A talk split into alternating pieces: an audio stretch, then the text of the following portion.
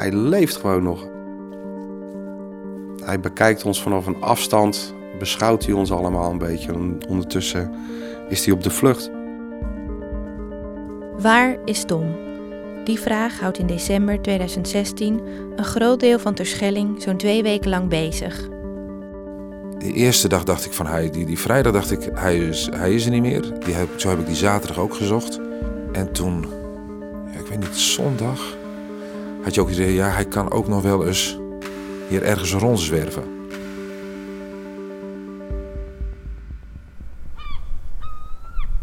Dit is Sterk Water, een podcast met verhalen over Terschelling. Aflevering 6, Vermist.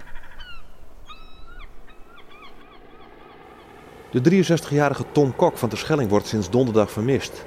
Op het Waddeneiland is daarom een grote zoekactie gestart door zo'n 150 mensen. Eilandbewoners te paard, politie met speurhonden en een vliegtuig van de kustwacht zochten zaterdag samen naar de vermiste medewerker van de plaatselijke VVV. Als ik met die honden uh, uitging, ik was, liep natuurlijk te zoeken, maar iedereen die ik tegenkwam die de honden uitliep, iedereen zocht. Dit is Walter, een vriend van Tom. En je merkte ook, iedereen zei, ja, gisteren ben ik daar geweest, dus ik loop vandaag een andere route. Ik, ja, dat is wel super strak hoor. Iedereen koppelt ook weer aan je terug van ik ben daar geweest. Ik ben even bij de bunkers gaan kijken. Ik ben eventjes uh, het rondje uh, door het Rozenlaantje heb ik even gemaakt. Peer is ook een vriend van Tom. Hij en Walter maken zich ernstige zorgen. Het is namelijk niet de eerste keer dat Tom vermist is. 25 jaar geleden heeft ook het hele eiland naar hem gezocht. Toen werd Tom in de duinen gevonden. De jaren daarna had Tom goede en slechte periodes. Dat wisten Peer en Walter. Dus toen ze zo'n vijf jaar geleden bevriend raakten, gingen ze iedere maandag bij hem eten. En hij kon verschrikkelijk goed koken. Ik denk dat we twee, drie keer per jaar niet gingen. Voor de rest gingen we, gingen we iedere week. Lekker uh, ouwen, borrelen, weet ik veel. Bij mij thuis hield iedereen er rekening mee maandag. Daar kon je niks plannen. En bij Peer ook niet. Maar dan gingen we naar Tom. Nadat de vrouw van Tom twaalf jaar geleden overleed, heeft hij nooit meer een vaste relatie gehad. Tom woont alleen. Om te kijken of er aanwijzingen zijn, misschien een afscheidsbrief, gaan Walter en Peer op onderzoek in zijn huis. Het was rommelig, maar niet heel veel anders dan zoals wij het uh, kenden. Een beetje stoffig, uh, overal spullen. Wij vonden allemaal topografische kaarten op zijn tafeltje voor zijn bank. En toen bleek dat zijn lievelingscameraatje niet meer thuis was. Tom, Peer en Walter kennen elkaar via de Terschellinger Filmdagen. Op de middelbare school deden ze tot voor kort het filmproject De Gouden Sil. Ze leerden kinderen filmen, monteren, acteren en een script schrijven. Tom werkte zelf ook aan een scenario. Tom was bezig met een, een script aan het schrijven over een, uh, een plek zoals Terschelling. Met als hoofdpersoon een man die zich daar niet helemaal gekend voelt in de gemeenschap. Dus toen ging bij ons ook de alarmbellen af van... nou, hij zou zijn script wel eens uh, werkelijk uh, ja, kunnen gaan uh, ja, verfilmen of verdoen, of hoe noem je dat? De cashier van de supermarkt vertelt dat Tom een flink aantal pakjes sigaretten heeft ingeslagen. We hadden al bedacht van hij heeft een hut gemaakt waar hij zich s'nachts verschuilt. En als het donker wordt, dan kan hij veilig naar buiten en dan kan hij richting de bewoonde wereld wellicht. Een week na zijn vermissing komt er een bericht binnen bij de politie. Een aantal kinderen heeft Tom gezien. Toen werd het verhaal het werd alleen maar bizarder en bizarder in onze beleving. Toen was het idee van oké, geef hem de rust om, hem, om zelf naar ons toe te komen. Want je moet je voorstellen dat als je door de duinen loopt... je ziet daar een, uh, tientallen mensen met gekleurde hesjes of uh, op, op streep lopen om de boel uit te kammen. En als je dat ziet, dan kan je wel concluderen, ze zijn op zoek naar mij. Wat ga je dan doen? Blijf je dan weg? Blijf je dan langer verschuilen? Dus toen was het besluit ook om even niet te zoeken, om hem de tijd te gunnen. Dat heeft een aantal dagen geduurd. En toen waren we het zat. Peer en Walter gaan weer zoeken. Maar dit keer pakken ze het anders aan. Peer zet bijvoorbeeld niet meer op Facebook waar ze die dag gaan zoeken. Want stel je voor dat Tom die berichten s'nachts bijvoorbeeld ook las. Dan wist hij dus wat ons plan was. Dus dat probeerden we een beetje wat te verhullen. Maar wel aan het eind van de dag, er waren zo verschrikkelijk veel mensen op het eiland die meeleefden in dit hele proces. Uh, om toch hun op de hoogte te houden van wat de vorderingen waren. Want werd helemaal gek van alle berichtjes. En trouwens ook heel veel lieve persoonlijke berichtjes van mensen uit heel Nederland. Die soortgelijke dingen hadden gehad en die met tips kwamen zoals... Uh, uh, hang voedsel op een, aantal, op een aantal plekken in een plastic zak. En, en zeg het is voor jou, leg er een deken bij. Tom, dit is voor jou, morgen hang ik hier nieuw voedsel neer. Er gebeuren een aantal verdachte dingen. Als de neef van Tom een keer s'nachts gaat zoeken, ziet hij een lichtje schijnen. Ja, dat zou heel goed Tom kunnen zijn. En al zoekend op topografische kaarten, van, ja, dan zou hij daar moeten hebben gelopen. En dan ga je daar wandelen. En uiteindelijk vind je bijvoorbeeld daar een, uh, een plastic zak van een heren speciaalzaak uit Assen. Waar Tom heel veel mee had en waar Tom ook zijn kleren kocht. Maar wat bleek nou, die zaak bestaat al twee jaar niet meer. Nou ja, Tom zou absoluut zo'n plastic zak daar neer hebben kunnen gelegd. Om vervolgens een soort van dwaalspoor uit te zetten en zelf weer wellicht richting oostwaarts te trekken. Het wordt, het wordt een kat-en-muisspel wordt het. Dus blijkbaar doet Tom die doet een set. En wij moeten daarop gaan reageren. Maar wat is dan zijn denkwijze?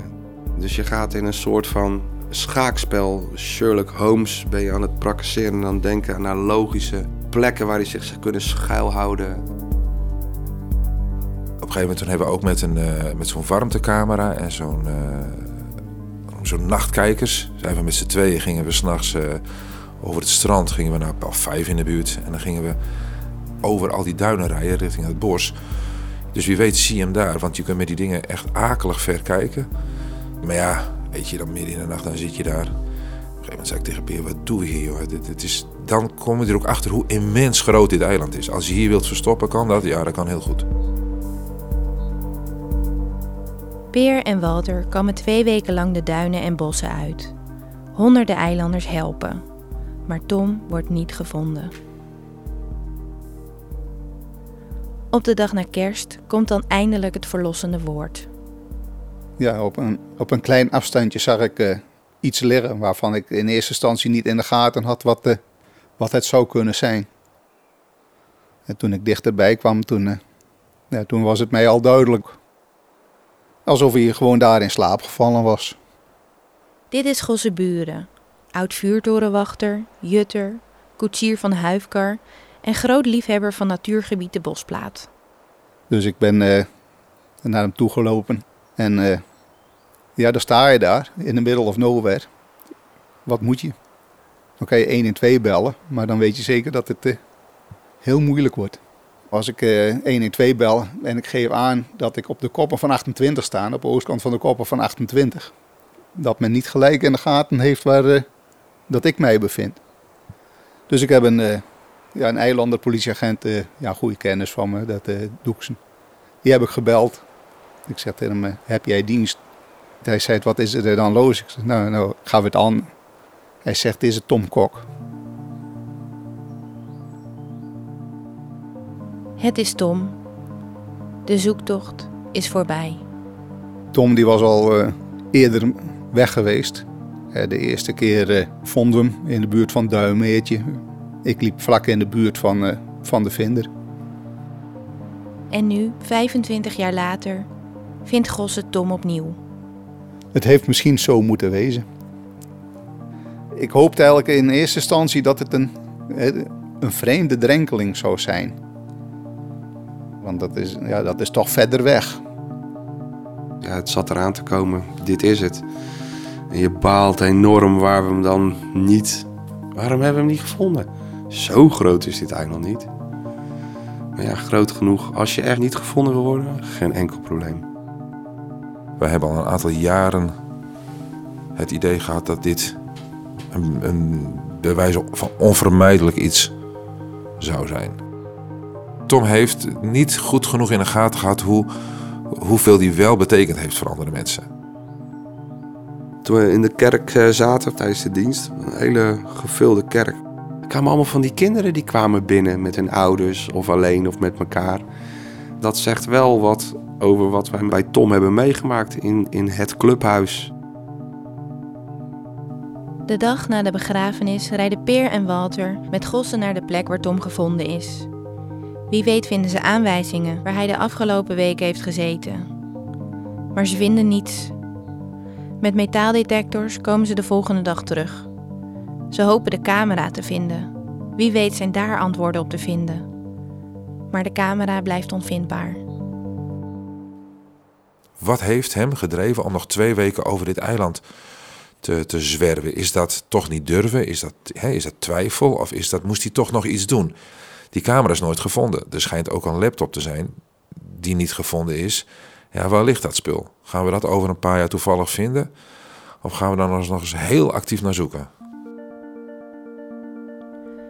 Als iemand niet geholpen en niet gevonden wil worden, dan kan dat. Hoe hard iedereen ook naar je zoekt. Zelfs op een eiland. Er waren er zoveel mensen die betrokken waren bij de zoektocht. Hoe krijg je dit voor elkaar? Hebben we het te moeilijk gezocht? Zat hij misschien wel bij iemand in een schuurtje? Zat hij om de hoek in de bosjes van de gemeente? Ja, wie zegt het? Het is, eh, soms denk je te moeilijk. Soms moet je echt uitzoomen en terug naar iets wat heel simpel zo voor de hand ligt. Maar ja, het heeft ook geen enkele zin om daar heel lang bij stil te staan. Dat verandert het resultaat niet. Je weet nog steeds niet wat de, feiten, wat de werkelijke feiten zijn. Dat weet alleen Tom Kok. En die is er niet meer. Dus ja, hoe gek, hoe, gek, hoe ver moet je gaan? Geen idee. Terschelling. 30 kilometer lang, 4800 inwoners en omringd door zee. Als om half zes de laatste boot naar Harlingen vaart, kom je er niet zo makkelijk meer vanaf. Het is een soort van Disney World met allerlei rare stripfiguren. En of je elkaar nou wel of niet mag, je hebt het met elkaar te doen. En daardoor sta je voor elkaar. Dus als er iemand vermist is of iemand zou failliet zijn of, of wat dan ook, en dan, dan wordt die groep die zorgen voor je. Het is toch dat burenplichtgevoel. Ja, dat is het.